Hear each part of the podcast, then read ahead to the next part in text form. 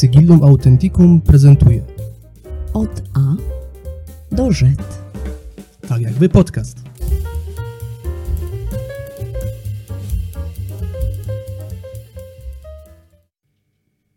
Dobry wieczór Państwu. Witam Państwa bardzo serdecznie w przytulnym wnętrzu Organic Cafe.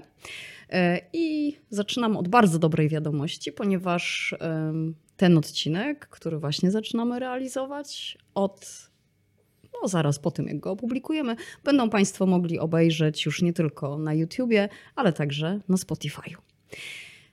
A naszym dzisiejszym gościem jest e, dr Jarosław Pietrzak, z którym Witam serdecznie.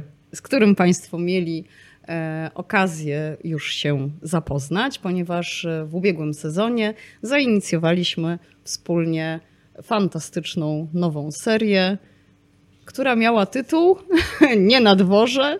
Nie, na dworze, Na dworze, nie, nie na, na polu. polu. Dokładnie. Tak. Troszkę nam zeszło, zanim e, udało nam się wreszcie dograć terminy i spotkać. E, Jarek jest e, niezwykłym naukowcem, bardzo zajętą osobą, ale mamy go wreszcie w naszym studio. E, Jest mi tym milej, że znów możemy się spotkać. no, cudownie. Kiedy umawialiśmy się na inaugurację e, właśnie tego podcastu w podcaście, e, który, o, którym omawiamy dwory, myślę, że w przyszłości nie tylko europejskie, tak sądzę, e, ale zaczniemy, zaczniemy od dworów europejskich, bo to obiecaliśmy Państwu. Mm. Wydarzyła się rzecz znamienna i istotna dla szeroko pojętej kultury, tak? Tak. E, Myślę, że światowej, nie tylko, nie, nie tylko e, europejskiej i wyspiarskiej, a mianowicie e, zmarła królowa Elżbieta Druga. II. I no właśnie, mieliśmy się spotkać prawie zaraz w okolicach e, tego wydarzenia, no ale wi- widzimy się. Różne okoliczności Tak. wtedy przeszkodziły, ale jesteśmy. Ale jesteśmy i akurat tak się świetnie złożyło, że właśnie na, na Netflix wchodzi nowy sezon Tak. The Crown, serialu The Crown. e, który właściwie traktuje w dużej mierze już o e, latach 90. E, również o różnych problemach na łonie rodziny królewskiej. W dużej mierze porusza e, postać e, księżnej Walii, Diany. E, I jest właściwie takim troszeczkę, powiedziałbym, skierowaniem uwagi na te problemy właśnie rodzinne, ale także przeżycia właśnie królowej, jej powiedzielibyśmy prób dostosowania się do nowej właściwie rzeczywistości, także politycznej, po właściwie mm, końcu zimnej e, wojny, po zniesieniu e, tej żelaznej e, kurtyny i właściwie jakby nowej form monarchii, czy właściwie roli, jaką ma pełnić monarchia w świecie współczesnym. Śledzisz ten serial? Już Z zapartym. Już obejrzałeś, Już tak? cały, tak. cały nowy sezon. Tak. Fantastycznie. Ale przed nagraniem mówiłeś mi, że y, już niebawem, bo w maju, tak, czyli przygotowania pewnie trwają, odbędzie się koronacja nowego władcy, tak? Tak, e, Karola e, III i tu media również e, nie pozostają, powiedzielibyśmy, pasywne wobec tej informacji, ponieważ dowiadujemy się sukcesywnie o właściwie różnych właściwie informacjach tak, dotyczących kosztów tej ceremonii, że mają one być niższe, że ma Mhm. być to koronacja czy uroczystość, e, która mm, nie nadużyje czy nie nadwyręży mm, e, e, budżetu, że w jakimś sensie będzie, powiedzielibyśmy, przystosowaniem się do aktualnych także no, trudności finansowych, które przecież przeżywa e, e, cały Mhm. świat. Ale poza tymi informacjami y, są też właściwie zgros informacji, na przykład dotyczących różnych oznak władzy e, nowego króla, jak na przykład e, projektu e, jego tak zwanej cyfry e, e, królewskiej.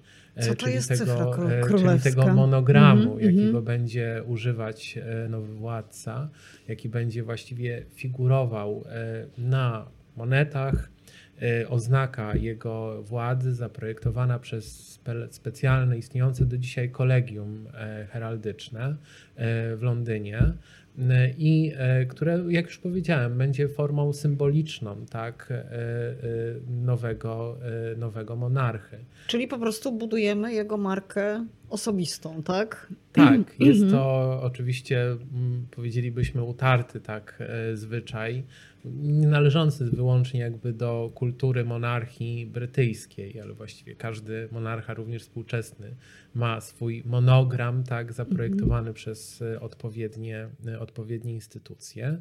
No i mamy oczywiście także e, sprawy dotyczące rezydencji, mamy rzeczy dotyczące właśnie służb, które się zmieniają, bo zmienia się znów siedziba władcy. Do tej pory Karol zamieszkiwał w Kensington mhm. Palace, natomiast teraz jego nową siedzibą stanie się pałac Buckingham. Mhm. A zatem e, też wiele e, takich różnych zmian. E, zmian, no oczywiście odzwierciedlających czy nawiązujących ściśle do historii brytyjskiej monarchii. Mhm. Przy czym oczywiście niezmiennym pozostaje miejsce tej koronacji, czyli opactwo westminsterskie. westminsterskie. Mhm. Czy ty wiesz, jak będzie mniej więcej przebiegała ta koronacja, jak ten ceremoniał cały koronacyjny wygląda?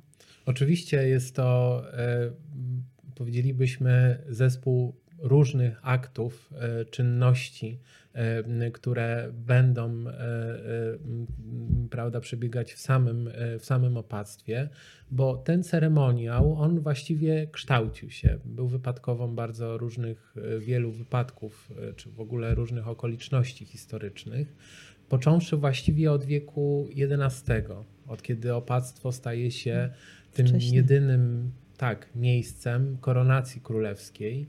E, opactwo zbudowane z inicjatywy króla Edwarda Wyznawcy, dedykowane świętemu e, Piotrowi, e, chcąc w ten sposób również symbolicznie zaznaczyć tą łączność wówczas właśnie z Rzymem i stanowiące według chociażby legendy, tak, formę pewnego wynagrodzenia faktu, że król nie mógł odbyć takiej pielgrzymki dla różnych spraw krajowych, ale z tego, co przekazują nam źródła historyczne, pierwszym właściwie aktem koronacyjnym, który rozegrał się w opactwie, była koronacja jego następcy, Haralda, no i później oczywiście Wilhelma Zdobywcy, twórcy dynastii e, normandzkiej, który w ten sposób pragnął także zalegalizować e, swoją władzę. Właściwie opactwo od tego momentu staje się już jedynym miejscem e, właśnie koronacji poprzez właściwie kolejne czasy, aż właściwie w wieku XII mamy postać Edwarda I, który tworzy właściwie rodzaj sanktuarium y, wokół grobu świętego Edwarda Wyznawcy. Y, I dzisiaj również każdorazowy władca podczas trwania aktu ceremonii koronacyjnego E, udaje się właśnie do tego najświętszego miejsca w opactwie, e, aby oddać e, hołd relikwiom pierwszego władcy, twórcy i państwowości, no i jednocześnie właśnie tego miejsca, który mm. położył w ogóle podwaliny pod pewną konsolidację tak mm. polityczną. Ale nie mogę mhm. cię nie zapytać o to, a co było wcześniej? Wcześniej Czy coś to... wiemy w ogóle na temat Tak, oczywiście. Koronacji? Naj... Mhm. To znaczy, jeżeli chodzi o czasy e, wcześniejsze, mhm. E, to przypuszczalnie, tak, właściwie e, odbywały się one w różnych miejscach. Mamy czasy heptarchii e, anglosaskiej, siedmiu królestw, które utworzyły się na terenie wysp, a więc Wessex, Essex, Northumbria, Murcia i tak dalej, i tak dalej, gdzie właściwie każdy z tych władców no, prawda, nie wiemy, gdzie dokładnie one, te koronacje E, przebiegały i według I jesteśmy w którym wieku? E, ale jest, są to powiedzmy mm. wieki szósty, siódmy, ósmy, mm. aż właściwie do czasu konsolidacji pod berłem właśnie najpierw Alfreda Wielkiego, później właśnie Edwarda Wyznawcy. Hmm. Tak, brzmi to, brzmi to bardzo tajemniczo i ginące właściwie gdzieś w pomroce dziejów, mm -hmm. tak, wszystkie te wydarzenia. E, natomiast, jak już powiedziałem, z czasem właśnie to Westminster przejęło mhm. tą najważniejszą e, rolę e, miejsca w ogóle, gdzie odbywają się te uroczyste akty, ale nie tylko aktu koronacyjnego, bo również miejsca spoczynku władców. Później oczywiście mhm. będą od tego wyjątki, bo jak wiadomo, już w czasach Tudorów E, Henryk VIII, wcześniej także jego e, żona Joanna Seymour, zostali pochowani w Windsorze, w kaplicy świętego Jerzego. Mhm. Tam, gdzie dziś spoczywają e, właśnie i książę Filip i oczywiście królowa mm, Elżbieta II. Mm, ale co ciekawe, w XIX wieku podczas eksploracji podziemi kaplicy windsorskiej natknięto się nie tylko na właśnie szczątki Henryka VIII, jego żony, mm, ale także właściwie, co ciekawe, znaleziono w końcu e, miejsce pochówku ściętego Karola I Stuarta. Odnaleziono także trumny dzieci królowej Anny, dzieci Jerzego III. A zatem no, y, właściwie te eksploracje, które przeprowadzono z inicjatywy Jerzego IV, mm, stały się w ogóle też y, przedmiotem pewnej dociekliwości ze strony mm. prasy y, angielskiej. Tworzono nawet, powiedzielibyśmy, pewne karykatury na ten temat. E, pokazywano właśnie Jerzego IV jako eksploratora właśnie e, podziemi e, krypt czy kaplicy świętego Jerzego który zabawia się w takiego, powiedzielibyśmy, trochę antykwariusza. Mm, prasa angielska pod tym względem e, była e, bezlitosna, mm, ale mm. oczywiście liberalizm e, i pewne podejście właśnie liberalne pozwalało w ogóle też na takie, na takie kroki. Mhm. Oczywiście tworzono takie miejsca pochówku dla Tudorów, dla Stuartów. No właśnie, tu, tu jak, jakbyśmy się mogli na chwileczkę zatrzymać, jeśli pozwolisz, bo pojawia się bardzo wiele nazw władców. Tak. E, nie sądzę, abyśmy dali radę opowiedzieć dzisiaj o każdym z nich. Natomiast proszę cię, odśwież nam wszystkim wiedzę na temat tego, e, jak te dynastie przechodziły po kolei i spróbujmy jakieś ramy czasowe dla nich znaleźć, a potem, jeśli pozwolisz, wrócimy do ceremoniału koronacyjnego. Oczywiście. Mhm. Mm, a zatem idąc czy podążając od czasów właściwie Edwarda Wyznawcy później jego następcy Haralda, został pokonany w bitwie pod e, Hastings w 1066. To ta data, mm -hmm. która jest dodatkowo zawsze ilustrowana tkaniną e, z Bajo, właściwie wspaniałą, tak, także znajdującą się na liście Światowego Dziedzictwa UNESCO, mm -hmm. podkreślmy to. Właściwie mamy panowanie dynastii normandzkiej, mm -hmm. która właściwie trwa do wieku XI po czym oczywiście mamy e, kolejną właściwie e, już dynastię, czyli plantażenetów, mhm. którzy wywodzą się czy mają korzenie francuskie, pochodzą od Gottfrieda Plantageneta. No i właśnie ta dynastia, ściśle zresztą związana oczywiście z dynastią normandzką, mhm. zaczyna swoje panowanie. Ona właściwie trwa E, tyle, że podzielona z czasem na domy e, Yorków i Lancasterów, mm. właściwie zaczyna pomiędzy sobą rywalizację w wieku XV kiedy zresztą dochodzi też do wojny pomiędzy tymi dwiema gałęziami plantażenetów. Mhm. I ostatecznie wygranymi stają się potomkowie Lancasterów, czyli Tudorowie tutaj Henryk, e, Henryk VII.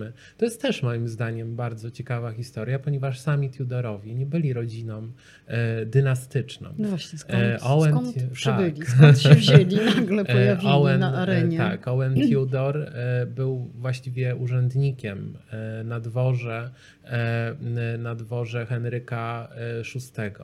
Mhm. Jego romans z królową, czego nie pomylimy, dał potomstwo w osobie, czy zaznaczył się potomstwem w osobie Edwarda Tudora, hrabiego Richmond, który co prawda nie miał prawa do sukcesji, ale właśnie z kolei jego związek z Małgorzatą Beaufort, która była no znów pochodzącą z tego nieprawego łoża E, członka rodziny e, Lancasterów, sprawił, że mimo to nabyli oni pewne prawa sukcesyjne, szczególnie jeżeli dynastia właśnie Yorków e, wygasła. Mhm. Wówczas właściwie zaczęto poszukiwać kogoś, kto byłby najbliższy tego tronu. No i tym kimś właśnie okazał się Henryk Tudor, czyli właśnie nasz Henryk VII, który zalegalizował dodatkowo swoją, powiedzielibyśmy, władzę, swoją obecność na tronie dzięki małżeństwu z Elżbietą York. E, tu myślę, że e, ci e, śledzący Netflixa i mhm. seriale, które się tam pokazują, czyli właśnie Biała Księżniczka, Biała Królowa, szybko właściwie skojarzą tę postać córki Edwarda V i Elżbiety Woodville. Także to myślę, że dla widzów i słuchających nie będzie to obce, mhm. bo też te postacie coraz bardziej przenikają do gdzieś tej kultury masowej. No i właśnie mamy naszych Tudorów, którzy, y, czyli Henryka VII, Henryka VIII, później jego syna Edwarda VI, Marię, która nazwana i przyszła do historii pod mianem Marii Krwawej. E, no i Elżbietę, tak, kolejną wielką e, postać na firmamencie e, angielskiej polityki, uznawanej za właściwie matkę tego, tego narodu, panującą bardzo długo, tak, i która właściwie też stworzyła pewne takie podwaliny pod wielkość samego państwa. Zresztą jej przydomek odzwierciedlał właśnie dzieło, którego dokonała w czasie życia, e, po czym jej prawa, e, czyli ta sukcesja wobec jej bezdzietności e, przeszła na ród Stuartów. Ponieważ tu znów koligacje dynastyczne. Fakt, że siostra Henryka VIII, Małgorzata, była, była tak żoną króla szkockiego, właśnie z tejże dynastii Stuartów pozwoliły na wskazanie e, następcy. A poza tym e, e, no, Jakub, który przejął tron, syn Marii mhm. Stuart, królowej, królowej, królowej Szkotów. Także właściwie dosyć interesująca, intrygująca postać. No i mamy właśnie Jakuba I, Karola I, aż właściwie kończy się to tą wyrwą taką, mm -hmm. czyli czasami, e, kiedy Anglia staje się e, republiką pod rządami Oliwiera Cromwella w wyniku e, konfliktu króla z parlamentem na tle różnego rodzaju uprawnień. Na razie sprowadźmy to do -hmm. takiej pewnej mhm. ogólności, aby nie rozwijać tematu. W roku? W roku 1649, kiedy Karol zostaje ścięty, dokładnie 13, 30 stycznia, ale właściwie rządy Oliwiera Cromwella, czy Lorda Protektora, w niczym właściwie nie przypominały republiki. Jego zakres uprawnień był podobny do uprawnień właściwie mm, królewskich, tak, tyle że właściwie nie mienił się on królem, bo monarchia właściwie, mhm. słowo monarchia mm, kojarzyło się jak najbardziej źle. Co istotne, zostały także zniszczone insygnia królewskie. A więc to też jakby taka e, forma e, próby mm, jakiegoś zawuowania monarchii i w ogóle tego ustroju. Y, ale Stuartowie istnieli, żyli. Oni właściwie udali się na wygnanie y, do Niderlandów. Do, do Francji y, później. No i właśnie powrót syna Karola I, czyli już Karola II, później panowanie jego brata Jakuba II, no i znów pewne, powiedzielibyśmy, tąpnięcie na tle z kolei już wyznaniowym oskarżenie Jakuba o sprzyjanie katolikom, e, pojawienie się informacji o, o spisku papieskim celem przejęcia kontroli nad e, wyspami. E, konflikty także w parlamencie pomiędzy toczącymi się czy przebiegające na linii Mhm. Pomiędzy dwoma stronnictwami, Wigów i Torysów, bo to już właśnie wtedy w wieku XVII Nieźle. się e, zaczyna, e, aż właściwie mamy e, chwalebną rewolucję, czyli taki właściwie przewrót, po którym Jakub, choć starał się oczywiście bronić, bronić się oczywiście także następstwa tego tronu, chcąc zapewnić je swojemu synowi z drugiego małżeństwa, Jakubowi Edwardowi Franciszkowi, nie powiodły się, ponieważ e, parlamenci, parlamentarzyści spod znaku właśnie torysów, ugrupowania tury, torysów, zapraszają tak do interwencji Wilhelma e, Mhm. Orańskiego e, z jednoczesnym właściwie no tutaj małżeństwem, tak, czy przyrzeczeniem go Marii Stuart, a zatem córce Jakuba z jego pierwszego małżeństwa, ale protestanckie. I to jest dosyć tutaj e, też ważne, no bo później już w ogóle od 1701 roku mamy tak zwany Act of Settlement, czyli właściwie regulujący sukcesję tronu, mówiący właściwie o tym, że żaden z katolickich następców czy przedstawicieli dynastii Stuartów nie może objąć e, tego, e, tego tronu. A zatem e, właściwie musi być on wyznania protestanckiego. Mhm. Tak? Jest to, zostało to zalegalizowane przez parlament ustawowo. To jest bardzo ważne, bo to też jest jakby część tej, powiedzielibyśmy, konstytucyjnej schedy państwa, które nie ma konstytucji jako jednego, prawda, dokumenta. Jest to cała właściwie seria dokumentów normatywnych, które składają się na właśnie utworzenie tego, tego ustroju. No No to i mamy właśnie, sytuacja. tak, mamy właśnie Mhm. y, te rządy Marii, później rządy jej siostry, królowej Anny. Moim zdaniem postaci niezwykłej, także jako kobiety, która starała się zapewnić y, sukcesję i właśnie w rodzie czy tej gałęzi protestanckiej Stuartów która się nie udała. Właściwie jej 14 e, ciąż kończyło się albo niepowodzeniem, albo dzieci przychodziły na świat i umierały właściwie we wczesnym okresie e, życia.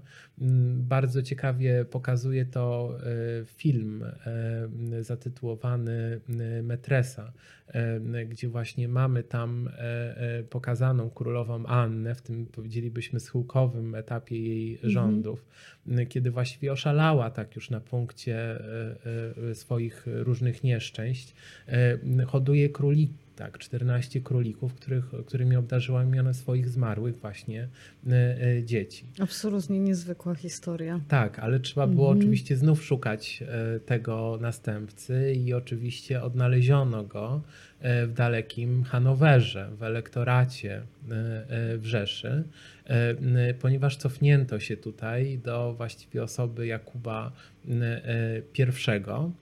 a dokładnie rzecz e, ujmując e, właściwie e, jego, e, e, jego córki, tak, Mhm. e, Elżbiety. E, I właściwie możemy powiedzieć e, e, dalej jeszcze właściwie jego wnuczki Zofii, e, która właściwie skoligacona z władcami Hanoweru dała właśnie początek e, no właśnie tej linii hanowerskiej. Mhm. E, No i Jerzy I, osoba, która też była dosyć ciekawa, dlatego że jak wszyscy historycy powtarzają, nie znał słowa. Żadnego Mhm. słowa po angielsku. Nigdy się tego angielskiego nie nauczył. E, Trzeba było właściwie rozmawiać z władcą po łacinie, bo to był chyba jedyny taki e, język e, wspólny dla parlamentarzystów, polityków i dla samego władcy, m, dzięki któremu mogli się komunikować. Oczywiście na tej płaszczyźnie także przebiegały różne nieporozumienia, no bo e, to dawało z kolei tym Stuartom, ale katolickim, e, możliwość powrotu na tron, z których oczywiście nie rezygnowali. To już też zupełnie Mhm. osobna historia i zupełnie inna e, opowieść. E, Natomiast e, Hanowerczycy początkowo nie cieszyli się sympatią swoich poddanych, zresztą nie rezydowali w Anglii stale. Często wybierali się w podróże do elektoratu właśnie Hanoweru. Tam właściwie pozostawali. No i to też nie przysparzało im, powiedzielibyśmy, popularności. I dobiegliśmy tym sposobem do roku mniej więcej. Do właściwie XVIII wieku. Mamy kolejnych Jerzych, Jerzego II, później mamy Jerzego III. To są te czasy, kiedy właśnie tworzą się już Stany Zjednoczone, kiedy wybucha wojna pomiędzy Anglią a koloniami angielskimi w Ameryce. Jerzego III, którego znamy właściwie jako króla opętańca, króla szalonego. Mm, dziś już wiemy, że nie była to jakiś, e, powiedzielibyśmy, e, ani fama, ale z drugiej strony nie też, prawda, e, kwestia zaburzeń mentalnych, ale choroby o nazwie porfiria, okay. czyli choroby gastrycznej, mhm. która także miała wpływ na zmysły, szczególnie świadomość i związaną oczywiście z tym umiejętność, prawda, rozeznawania świata, czy, czy właśnie no, takiej ogólnej e, e, świadomości. Później właściwie mamy czasy regencji jego syna Jerzego. E, no i właściwie już po śmierci Jerzego IV, jego panowanie króla, który lubował się w zbytku, w pewnym takim powiedzielibyśmy luksusie życia, czasy, kiedy właściwie y, no, triumfy święci moda dandysowska, mhm. co też Jerzy IV jakby upowszechniał. E, skandalu związanego z jego nieudanym e, małżeństwem z księżniczką e, brunszwicką, które doprowadziło właśnie do no, także właściwie rozpadu, tak, wielkiej kłótni małżonków, aż w końcu właściwie mamy jego brata Wilhelma, no i nagle właściwie e, bratanicę tegoż Wilhelma, czyli królową Wiktorię. E, I wielkie panowanie, po czym nagle właściwie w wyniku małżeństwa Wiktorii z Albertem Sasko-Koburskim czyli przedstawicielem dynastii Wettinów, mamy już e, praktycznie dynastię sasko-koburską, tak? chociaż nadal są to Hanowerczycy, mhm. E, e, to jednak z tym silnym akcentem właśnie na ich niemieckie pochodzenie, co oczywiście znów nie było popularne w okresie Wielkiej Wojny. Stało się też podstawą do zmiany nazwiska czy miana dynastii na Windsor od rezydencji a zatem, aby powiedzielibyśmy odciąć się od tych e, niemieckich, prawda, e, skojarzeń, korzeni w ogóle mm. I aby w ten sposób zbliżyć się do poddanych w okresie no, wielkiej właściwie próby, jednocześnie wielkiej, prawda, tragedii, kiedy dynastia czy monarchia stawała się już jako ustrój też mniej powiedzielibyśmy popularna, czyli próba takiego też ratowania E, własnej e, pozycji. No i w ten sposób już docieramy do tych dziejów najnowszych i do postaci mhm. Elżbiety II. No tak, długie, długie panowanie poprzednich dwóch królowych, prawda? Tak? Bo tak. obie zasiadały na tronach y, wiele mm, lat, prawda? Tak, ale mamy no właśnie wielkie postacie Elżbiety mhm. I, Wiktorii, o której nie wolno zapomnieć, babki Europy, Mhm. z racji e, potomstwa i różnych prawda, związków dynastycznych, w jakie e, wchodziły jej, e, jej dzieci, bo odnajdujemy ich na tronach Danii, wówczas jeszcze Cesarstwa Pruskiego, mhm. ale także sięgają one w strefę skandynawską, tak? bo mamy Norwegię, mhm. mamy oczywiście Szwecję, mamy także, co istotne, wówczas Cesarstwo Rosyjskie. I to także jest e, ważne, e, aby właśnie podkreślić, że właściwie wszyscy oni są jedną wielką mhm. rodziną. I właściwie jest to rzecz ważna z punktu widzenia współczesności, bo ta wielka rodzina e, nadal właściwie pozostaje jedną z punktu widzenia właśnie związków, związków krewniaczych. Mm, jeżeli popatrzymy na przykład na e, właśnie mm, najbliższych, tak, czy na rodzinę e, męża Elżbiety II, również zmarłego księcia Edynburga e, Filipa, to właściwie wywodzi się on od, od Wittelsbachów, władców przez pewien czas Grecji, a właściwie takiej no szczególnej gałęzi tego rodu, która ma taką piękną, dźwięczną nazwę, czyli Schleswig-Holstein, Sondenburg, Glicksburg i która dzisiaj e, także zasiada na tronach jeszcze Danii, a także e, e, Norwegii. A zatem no, jest to historia, prawda, która ma ma swoje przełożenie we współczesności. Mhm. Tak, wiesz, słucham cię i zastanawiam się, kiedy zostaniesz zaproszony jako konsultant przy nowo kręconych serialach na temat e, poszczególnych etapów historii dworów europejskich, bo twoja wiedza jest absolutnie imponująca. Wynika ona z pasji, jakiegoś e, Dokładnie. właśnie zainteresowania tymi właśnie relacjami, e, mhm. bo właściwie bez genealogii, często to też e, mówię o tym studentom, właściwie jakby poznanie tej historii, pewnych wydarzeń, przyczyn i ewentualnych skutków jest właściwie niemożliwe. niemożliwe. Mhm, czyli świetnie tak. trzeba się orientować. W związkach i... genealogicznych mhm. jak najbardziej. Mhm. Jak najbardziej. Pomimo, że Wiesz, są one trudne, mam takie wrażenie, że, że akurat ten wątek i ten aspekt w ogóle nam nie wypłynął w poprzednim odcinku, który poświęciliśmy w całości badaniom dworskim, a ta genealogia jakoś nam chyba nie wybrzmiała, prawda? Rozmawialiśmy dużo o ceremoniałach, o, o poszczególnych postaciach na dworach. Właśnie to troszeczkę y, ukryte został y, ten wątek y, wielkich koligacji rodzinnych, właśnie tych relacji krewniaczych pomiędzy poszczególnymi dworami. Mm, no, wiesz, jest to niezwykły w ogóle wycinek historii C, czy są takie wrażenie, że w ogóle monarchia brytyjska jest jedną z najbardziej popularnych w popkulturze. Nie masz takiego wrażenia? E, myślę, że tak. E, I mhm. tutaj mm. wydaje mi się, że chyba kwestia, powiedziałbym, e, pewnych może nie tylko obyczajowych, prawda, mhm. spraw związanych jakby z tą monarchią, ale fakt, że jest to monarchia, która właściwie trwa od właściwie czasów najdawniejszych, mm -hmm. tylko z takim interludium właśnie w mm -hmm. postaci tej e, republiki, która no, jest właściwie okresem bardzo krótkim, mhm. trwającym mm -hmm. właściwie no, zaledwie 10 lat, mhm. dekadę, tak, e, no to możemy właściwie powiedzieć, e, że właściwie trwa ona w sposób nieprzerwany, w sposób nieprzerwany mhm. i niezmienny. I myślę, że to jest fenomenem tej, tej w ogóle monarchii, mimo że też przecież nawet w czasach czasach obecnych e, partia, partia pracy jeszcze w latach 60., 70.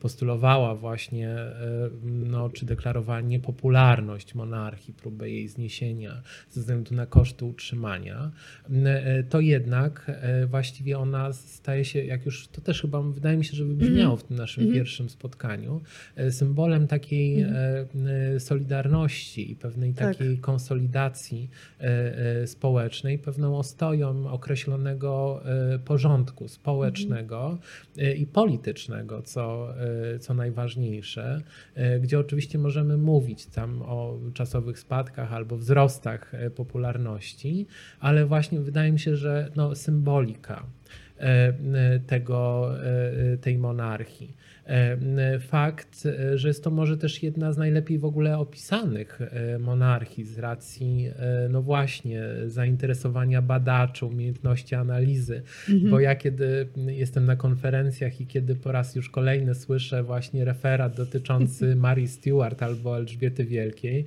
jestem zawsze pod wielkim wrażeniem, co jeszcze możemy powiedzieć w ogóle i co, okazuje postaciach. się, że możemy coś jeszcze? E, tak, mhm. właściwie, bo są to rzeczy na przykład związane z ich e, codzienną, codziennym życiem ich dworów, e, w końcu sposobem e, prawda, ubierania się, prezentacji, władzy. No właściwie możemy tutaj znaleźć mnożyć bardzo wiele, wątki. mnożyć wątki. Mm -hmm, Chociaż e, no niewątpliwie w przypadku Mary Stewart zawsze chyba niewątpliwie y, największą popularnością będzie się cieszyć właśnie i jej uwięzienie, tak. jej proces, y, jej w ogóle y, i ścięcie, tak? Mhm. Jako pewien też no, ważne wydarzenie, które no, w Europie odbiło się szerokim, szerokim, szerokim mhm. echem. Mhm. Propaganda wokół tego, prawda, wydarzenia, jak bardzo ono zaciążyło na innych, kolejnych wydarzeniach, jak było ono przypominane. Przypomnijmy tak. dla porządku datę.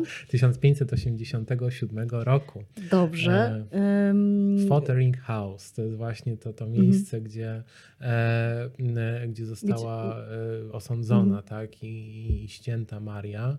E, a zatem e, jest to właściwie no, też miejsce owiane pewną e, określoną już legendą no tak. postaci.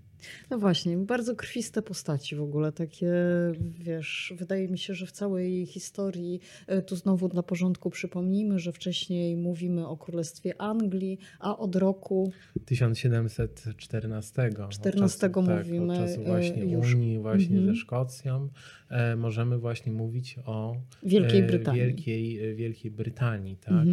E, I tak powinno się Tak powinno się mówić. Więc dużo, dużo krwistych postaci, bardzo Tak. takich charyzmatycznych, e, z różnymi ciekawymi historiami w tle i pewnie do pogłębienia tych wątków biograficznych związanych z władcami i rodziną królewską e, bardzo Państwa zachęcamy.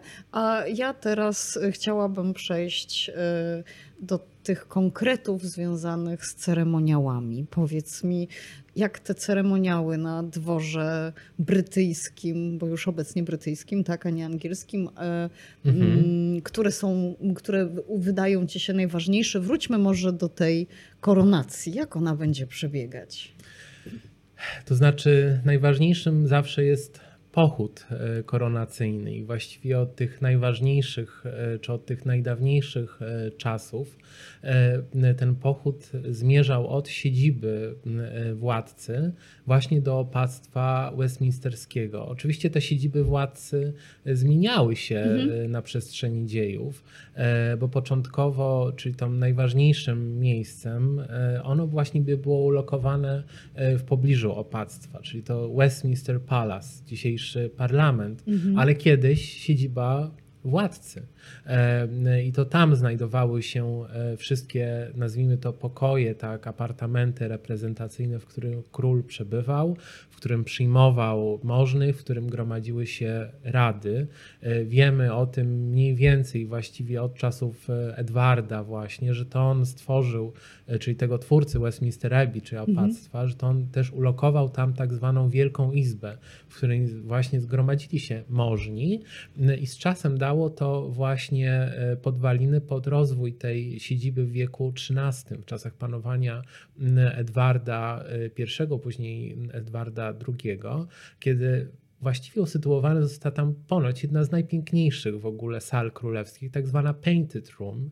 E, Painted Room dlatego, że właściwie ta królewska, ten królewski apartament został przyozdobiony polichromiami, ze scenami biblijnymi, alegoriami, które później niestety w XIX wieku zostały pobielone i niestety niewiele się e, z tego e, uchowało. Starano się e, później e, skuć, e, prawda, e, tynk, e, który założono tak na, e, na tę polichromię E, i właściwie londyńskie Stowarzyszenie Antykwariuszy udało im się pewne fragmenty tych e, polichromii, prawda, uchronić od właściwie całej, nie tylko od zniszczenia, ale od zapomnienia. Był to też miejsce, gdzie gromadziła się początkowo Izba Lordów, a więc ta namiastka właśnie, czy ten początek dawał to początek no, parlamentowi właśnie angielskiemu. No i później osobno także Izba, e, Izba Gmin. To, był ten, to była ta pierwsza, powiedzielibyśmy, siedziba. Ale z czasem do miana tej e, siedziby e, pretendowało także Tower, które znamy z punktu Słynny widzenia więzienia, tak. tak, Mhm. albo miejsca, gdzie przechowywane są Mhm. przecież do dzisiaj klejnoty Insygnia. królewskie, tak, w Mhm. specjalnym jewel room, e, właśnie, czyli pokoju właśnie e, z insygniami królewskimi. E, To początkowo właśnie tak zwana wieża latarniana stanowiła prywatne apartamenty władcy, aż właściwie do czasów Lancastrów, do XV wieku, do Henryka VI. To tam odbywały się najważniejsze też e, sądy. Tam właściwie także e, g- m, ogniskowało się życie polityczne. M, Co prawda już w okresie średniowiecznym tam także przebywali więźniowie polityczni, Mhm. no ale powiedzmy sobie, że żyli oni w bardzo dobrych warunkach. To nie było takie życie o chlebie i wodzie, ale jeżeli był to szlachetnie urodzony albo mm, dajmy na to nawet książę Walii, wówczas osobnego zupełnie państwa, tak, to żył on naprawdę w bardzo dobrych, komfortowych komfortowych warunkach, więc mówimy o takim mhm. bardzo powiedzmy luksusowym formie więzienia. Mhm. I właściwie od Henryka VI zaczyna się to zmieniać, bo ta siedziba właściwie zostaje przeniesiona, zostaje przeniesiona do Greenwich, czyli właściwie pałacu, który zostaje zbudowany specjalnie z inicjatywy nie tyle Henryka VI, ile jego żony Małgorzaty Andygaweńskiej, aby pokazać ten majestat e, władcy. Władcy, który ma konkurentów w osobach właśnie Jorków i rodu -hmm. Jorków. E, a zatem e, tworzy się, powiedzielibyśmy, zespół apartamentów na gruzach dawnego, dawnej siedziby rezydencji raz opatów, którzy także mieli swoje założenia rezydencjonalne w Greenwich. E, ale także innego już członka dynastii Lancastrów, księcia Humphrey. Humphrey, książę Gloucester, który tam stworzył swoją najpiękniejszą bibliotekę. Mm. Jest on takim, powiedzielibyśmy, odwzorowaniem, wzorcem księcia renesansowego na dalekiej e, północy, bo zgromadził on bibliotekę, która złożona była z dzieł e, humanistów. Dał właściwie podwaliny pod księgozbiór Uniwersytetu w Oksfordzie, czy powiedzielibyśmy nawet przekazał go testamentowo później. E, ale właśnie Henryk VI rezydował tak e, w Greenwich, z czasem do tego Greenwich także e, przybyli Tudorowie. I właściwie od 1509 roku mamy budowę nowego pałacu, tak, w Greenwich. Z czasem oczywiście Greenwich staje się e, taką rezydencją, powiedzielibyśmy, drugorzędną, e, ponieważ jeszcze Henryk VIII e, swoją najważniejszą rezydencję, siedzibę obiera w Whitehall, niedaleko hmm. zresztą opactwa. I to Whitehall pozostaje właściwie aż do roku 1698 siedzibą władcy z czasem po pożarze, bo to jest e, ten e, punkt zwrotny, ta siedziba zostaje przeniesiona do e, Pałacu Świętego Jerzego, St. James's Palace, aż właściwie Ostatecznie w XIX wieku na siedzibę wybrany jest pałac Buckingham. Królowa Wiktoria w latach 30., 40. ostatecznie ustanawia swoją siedzibę właśnie w Buckingham. E, mamy Windsor, ale Windsor nigdy, czy w czasach Stuartów, pełnił rolę jedynie rezydencji, powiedzielibyśmy, letniskowej, e, czy powiedzielibyśmy no, takiej pod stołecznej. E, podobnie zresztą Richmond, które było takim pałacem myśliwskim, ale od czasu do czasu władcy, również tam Tudorowie, mm -hmm. Stuartowie w tym Richmond przybywali. No właśnie, ale mamy tą procesję. No skąd skąd tak. tym razem e, będą wyruszać? E, wydaje, sądzę, że tym najważniejszym miejscem jest Pałac Świętego Jakuba, to tam zostało, przypomnijmy, ogłoszony właśnie przez Heroldię akt o śmierci e, Elżbiety II e, i o rozpoczęciu panowania nowego władcy, Karola III a zatem najprawdopodobniej właśnie z pałacu e, świętego Jakuba. E, następnie pochód właśnie pójdzie w kierunku, czy procesja ruszy w kierunku e, opactwa westminsterskiego. I to jest w ogóle ciekawostka, mhm. też historyczna, dlatego że takie pochody w czasach dawnych, na przykład w czasach jeszcze Hanowerczyków w XVIII wieku, ze względu na liczbę uczestników, mm, wszystkich oczywiście urzędników, arystokratów, duchownych i wszystkich gości, trwała bardzo długo. Wiemy, że pochód wyruszył o godzinie 10, mm, a król przybył do Westminster o godzinie 13. Zatem krótki właściwie Niezwykle. odcinek, e, e, który został właściwie pokonany z racji właśnie no, wielkości tego mm. orszaku w bardzo powiedzielibyśmy długim długim czasie. E, no i właściwie następnie ta e, właściwie część, która jest już właściwą, tak, najpierw msza, a następnie ten obrzęd e, koronacyjny. I to jest też moim zdaniem bardzo ważny moment, ponieważ wówczas nie tylko dochodzi prawda, do przysięgi, Nowy władca staje się także zwierzchnikiem kościoła, kościoła Anglii. Oczywiście kwestia związana z nałożeniem insygniów i wręczeniem insygniów koronacyjnych, namaszczeniem jeszcze, to też jest bardzo taki ważny moment, bo król jest pomazańcem tak Bożym. Mm -hmm. No i w końcu ta modlitwa przy grobie świętego Edwarda, mm -hmm. wyznawcy, który jest tym momentem, no powiedzielibyśmy, równie, e, równie istotnym, ale to, co oczywiście zdobi, tak, e, to nie tylko insygnia, to nie tylko, prawda, splendor wszystkich zaproszonych, mm -hmm. tych wspaniałych, prawda, szat, pewnego porządku ceremonialnego, ale także muzyka. Ona również e, przecież dodaje zawsze, czy stanowi mhm. pewną oprawę tak ważnych uroczystości. No i tutaj sięgając do tych historycznych znów, e, prawda, e, historii, czy w ogóle wydarzeń, no nie można pominąć muzyki Jerzego Händla, tak? czyli właśnie hymnów koronacyjnych, które napisał z okazji koronacji E, i Hanowerczyka, Jerzego II.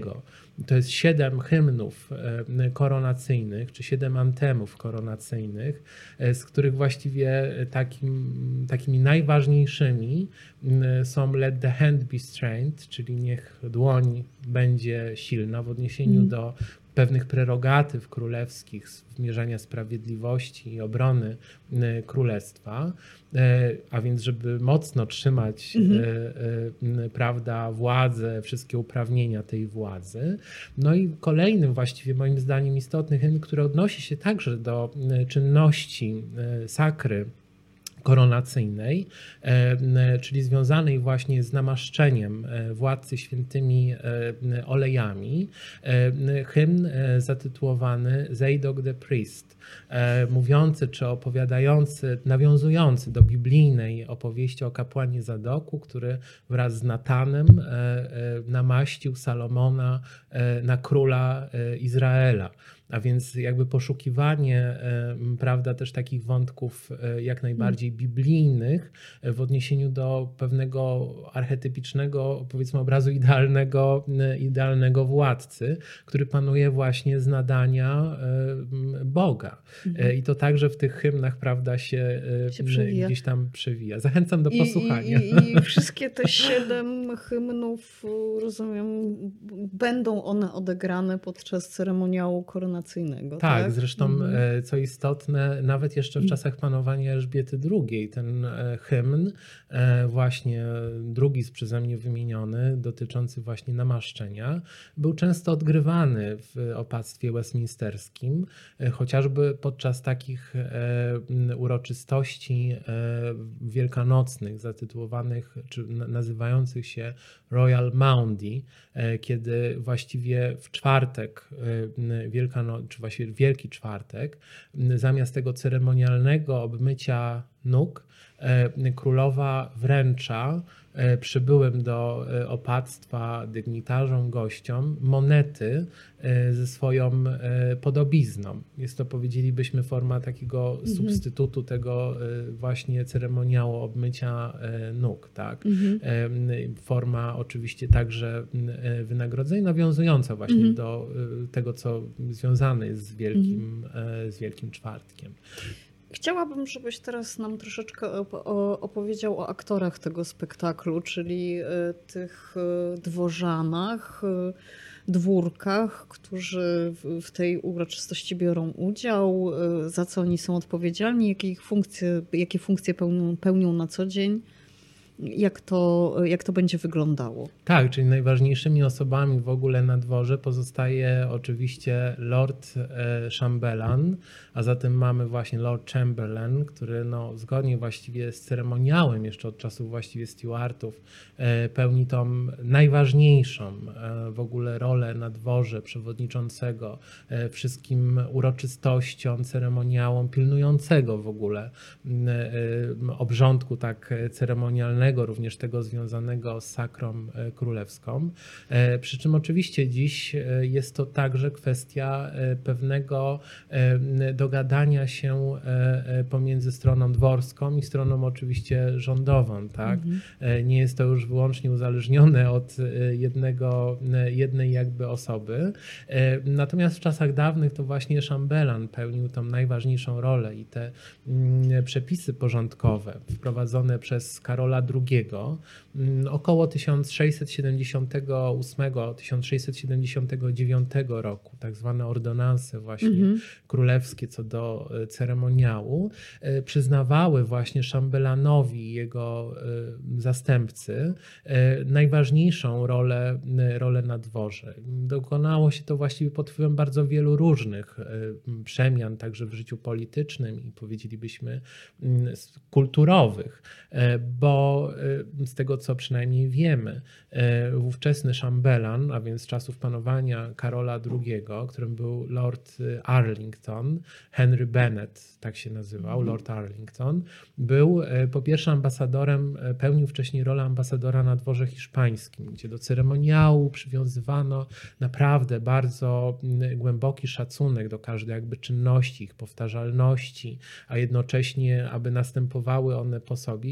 Prawdopodobnie z tej misji wywiódł taki wniosek o konieczności wprowadzenia podobnego porządku na dworze angielskim, ale także takim stronnikiem tego nowego ceremoniału był jego zastępca, którym był Henry Seville, który był odpowiedzialny za tą część apartamentów prywatnych, jako wcześniej Lord Bedchamber in Waiting, który pełnił jakby nadzór nad tymi służbami, nazwijmy to pokojowymi, no gdzie ten porządek właśnie wokół osoby królewskiej, i przestrzegania określonych czynności stał się podstawą do tego, aby Karol II wydał takie właśnie regulacje dotyczące e, dworu. E, kwestia oczywiście tego, aby w otoczeniu króla zachowywać się e, w pełni, że tak powiem, mhm. poprawnie i tak to nawet zostało tam zapisane, aby wiedzieć, jaki gest uczynić, jakie słowa wygłosić, kiedy stać i jaką odległość zachować od samej osoby monarchy, stało się się podstawą w ogóle tych regulacji, no, które były oczywiście później także uzupełniane, zmieniane, mhm. tak? no, ale niewątpliwie to Lord Chamberlain pełni tą ważną rolę i zaraz jeszcze po nim Lord Marszałek dworu, który właściwie widać, że te czynności czy te obowiązki gdzieś tam się, prawda, e, przewijają, ale są to dwie najważniejsze postacie. Mhm które pełnią w ogóle cały nadzór nad tym, co w ogóle nazywamy tak zwanym royal household, czyli mhm. właściwie osobami tworzącymi e, dwór, e, odpowiedzialnymi właśnie za wszystkie czynności od właściwie ustawionych w hierarchii tak urzędników, a zatem jest to, no powiedzielibyśmy tutaj bardzo, bardzo ważne. Mhm. W czasach dawnych były oczywiście służby służby, które osobno zajmowały się tymi pomieszczeniami, apartamentami, tak zwanymi outer apartments, e, czyli właściwie, e, czy outer chambers, czyli właściwie takimi, tą częścią właściwie e, pokojów, które były publiczne, dostępne dla szerokiego, powiedzielibyśmy, grona wizytujących daną rezydencję królewską i tak zwany osobna dla tak zwanej inner chambers, czyli właściwie tej, która miała już charakter zupełnie. bardziej prywatny, mm -hmm.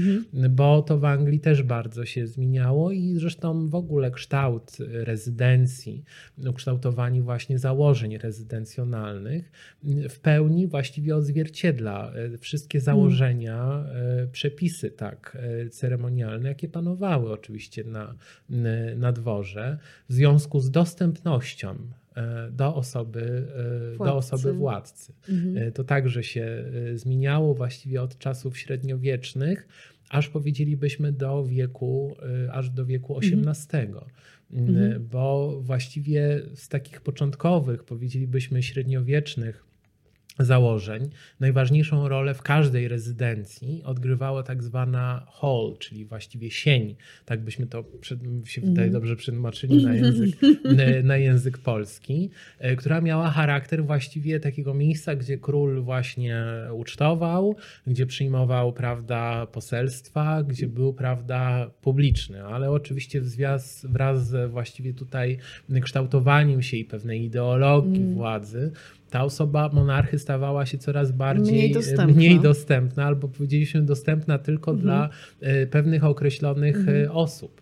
E, A zatem z tej hall właściwie zaczęło się właściwie wydzielać kolejne, czy właściwie powstawać w założeniach rezydencjonalnych kolejne powiedzielibyśmy apartamenty, bo mamy kolejną rzecz, czy właściwie kolejny taką właściwie przestrzeń, która właściwie jest, nazywa się Great Chamber i zaraz właściwie po niej Presence Chamber.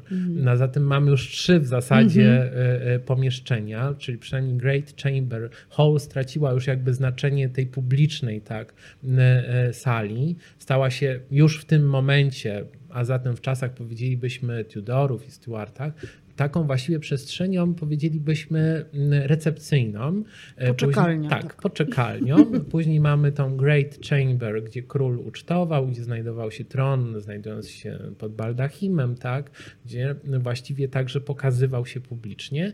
I mamy Presence Chamber, gdzie przyjmowani byli, prawda, nie wiem, dajmy na to ambasadorowie m, obcych, e, obcych państw na rozmowach e, w sprawach no, poufnych bardziej, dotyczących właśnie relacji, no chociażby międzynarodowych.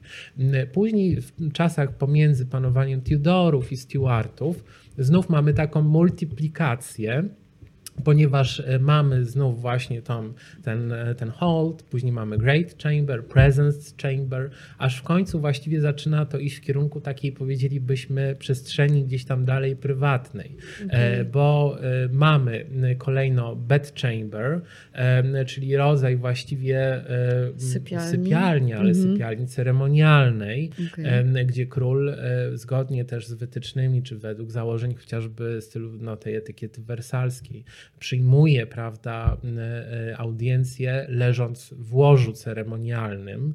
E, e, i to e, jakby też ten wpływ Wersalu, tak, czy, czy, czy pewnych wzorców francuskich jest tutaj bardzo taki odczuwalny, ale zaraz za nią tak, znajdują się właściwie kolejne sale, e, takie na przykład jak withdrawing room, e, czyli właściwie tak zwana sala retirady, do których mieli już właściwie wstęp powiedzielibyśmy na przykład e, ministrowie m, albo jacyś powiedzielibyśmy dowódcy na bardziej powiedzielibyśmy takich e, poufałych, jeszcze bardziej prywatnych rozmowach.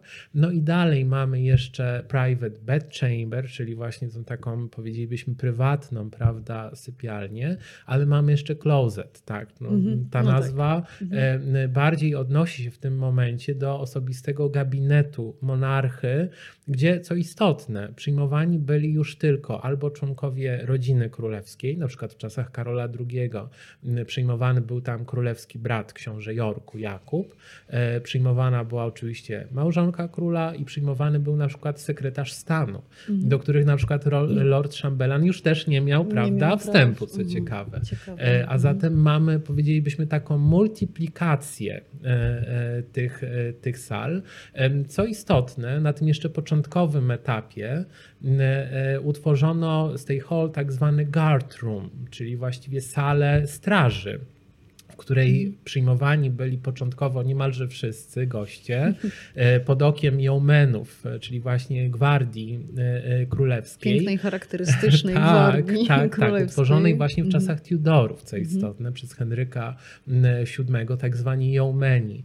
Do dzisiaj zresztą stanowiący symbol też przecież monarchii brytyjskiej, nieodłącznie kojarzący się przecież z Tower, Tak.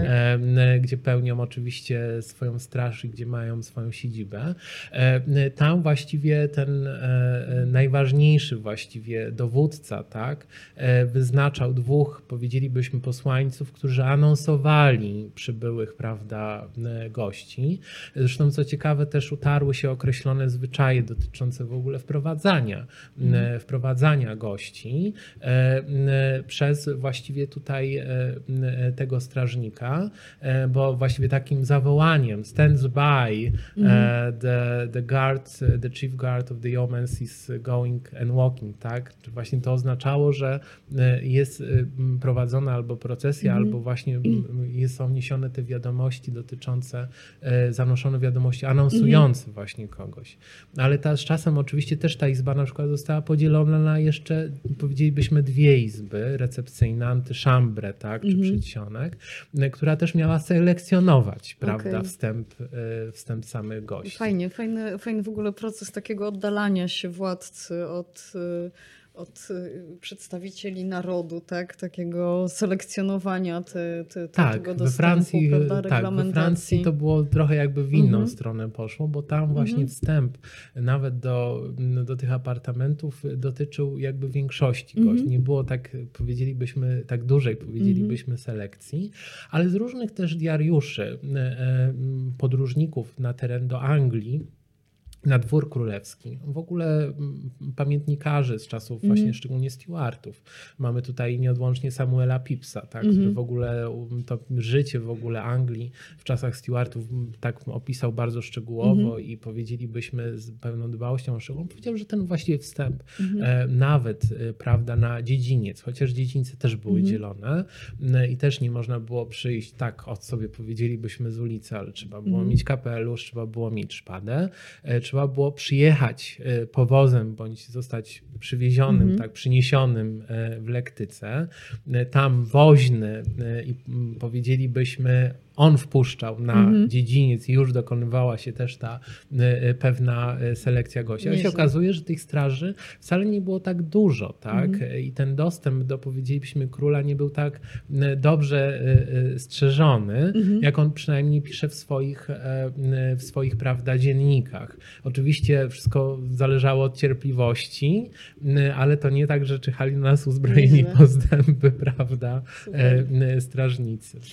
E, słuchaj, zanim e, będziemy zmierzać już e, do końca naszego odcinka, aby uniknąć skoku przez płot w Parku Jordana, chciałabym Cię zapytać o dwie osoby istotne na dworze, czyli tą osobę, która liczy kasę i ta, którą daje, tą, która daje jedzenie. Tak, e, tu jeżeli chodzi właśnie o szczególnie służby dotyczące e, jedzenia, tak, mhm. e, to możemy powiedzieć, że one też właściwie zostały już utworzone w czasach panowania Tudorów. Nie mam wiedzy co do tego, jak wyglądało to w czasach wcześniejszych Lancastrów chociażby albo średniowiecza, ale moja wiedza dotyczy mhm. szczególnie czasów jakby tutaj Tudorów, że specjalne służby kuchenne funkcjonowały, były właściwie e, obecne e, i co właśnie jakby poświadcza istnienie takim, e, takich służbom, to poza spisanymi ordonansami i właśnie, prawda, powiedzielibyśmy rachunkami dla mhm. oczywiście dworzan, czy i rachunkami przeznaczonymi na samo jedzenie, to ich obecności chociażby podświadczają znaleziska o charakterze archeologicznym, toczące się chociażby w obrębie Greenwich, gdzie właśnie takie zabudowania kuchenne były ulokowane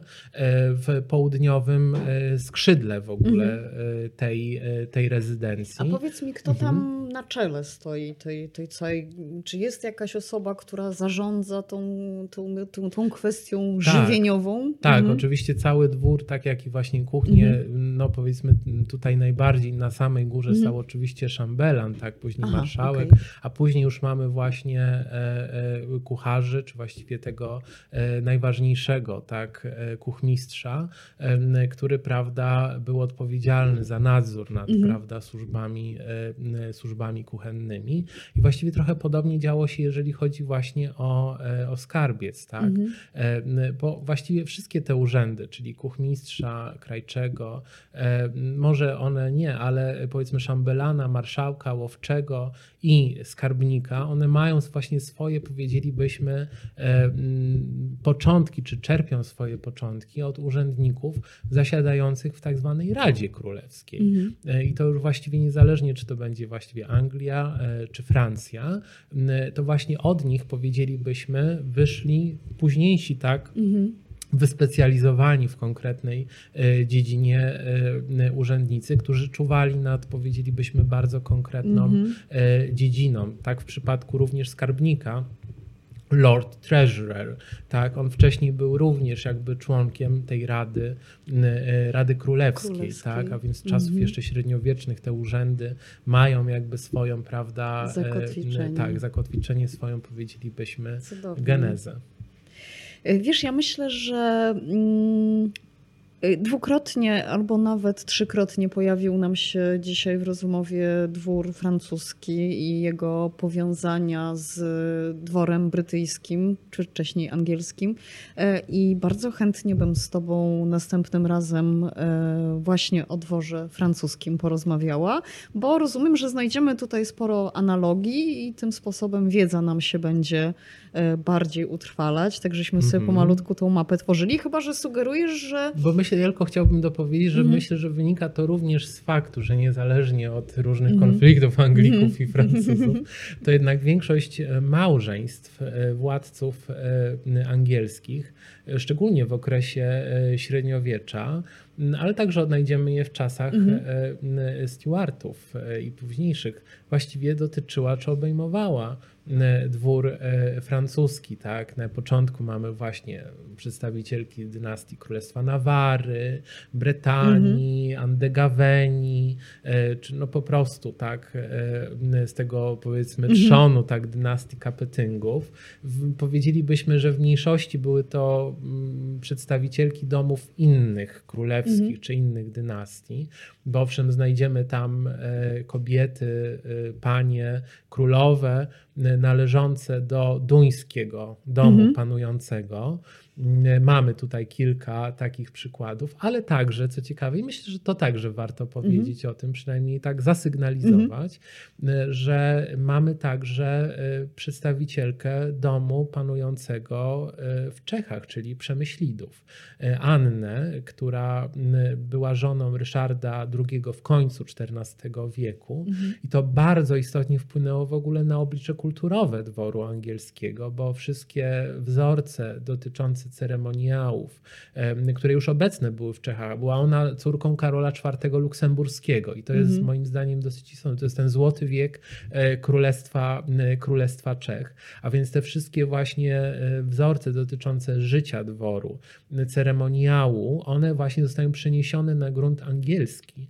I to także, co jest istotne, e, waży chociażby na tym, że w czasach Ryszarda II i z inicjatywy Ryszarda II zostaje opisany, zostaje skodyfikowany właśnie ceremoniał koronacyjny. Mhm. E, A za tym o czym to, o czym Nieźle. mówiliśmy na samym e, początku. Jest to już w pełni skodyfikowane pod koniec XIV wieku obrzęd pod wpływem właśnie tych źródeł, powiedzielibyśmy czeskich. I trochę więcej można nawet powiedzieć, że te wszystkie relacje y, angielskie, czy powiedzieliśmy tradycje angielskie, y, ale również wynikające z koligacji z domem andegaweńskim, później będą rzutowały także na ceremoniał Polsce. Ceremoniał koronacyjny i ceremoniał pochówku y, władców polskich. Fantastycznie. Więc tutaj mamy nie tylko relacje dynastyczne w sensie osoby, małżeństwa, ale mamy też pewien transfer prawda, kulturowy Mhm, i mhm. pewnych prawda, obrzędowości, pewnych wzorców kulturowych, co jest istotne,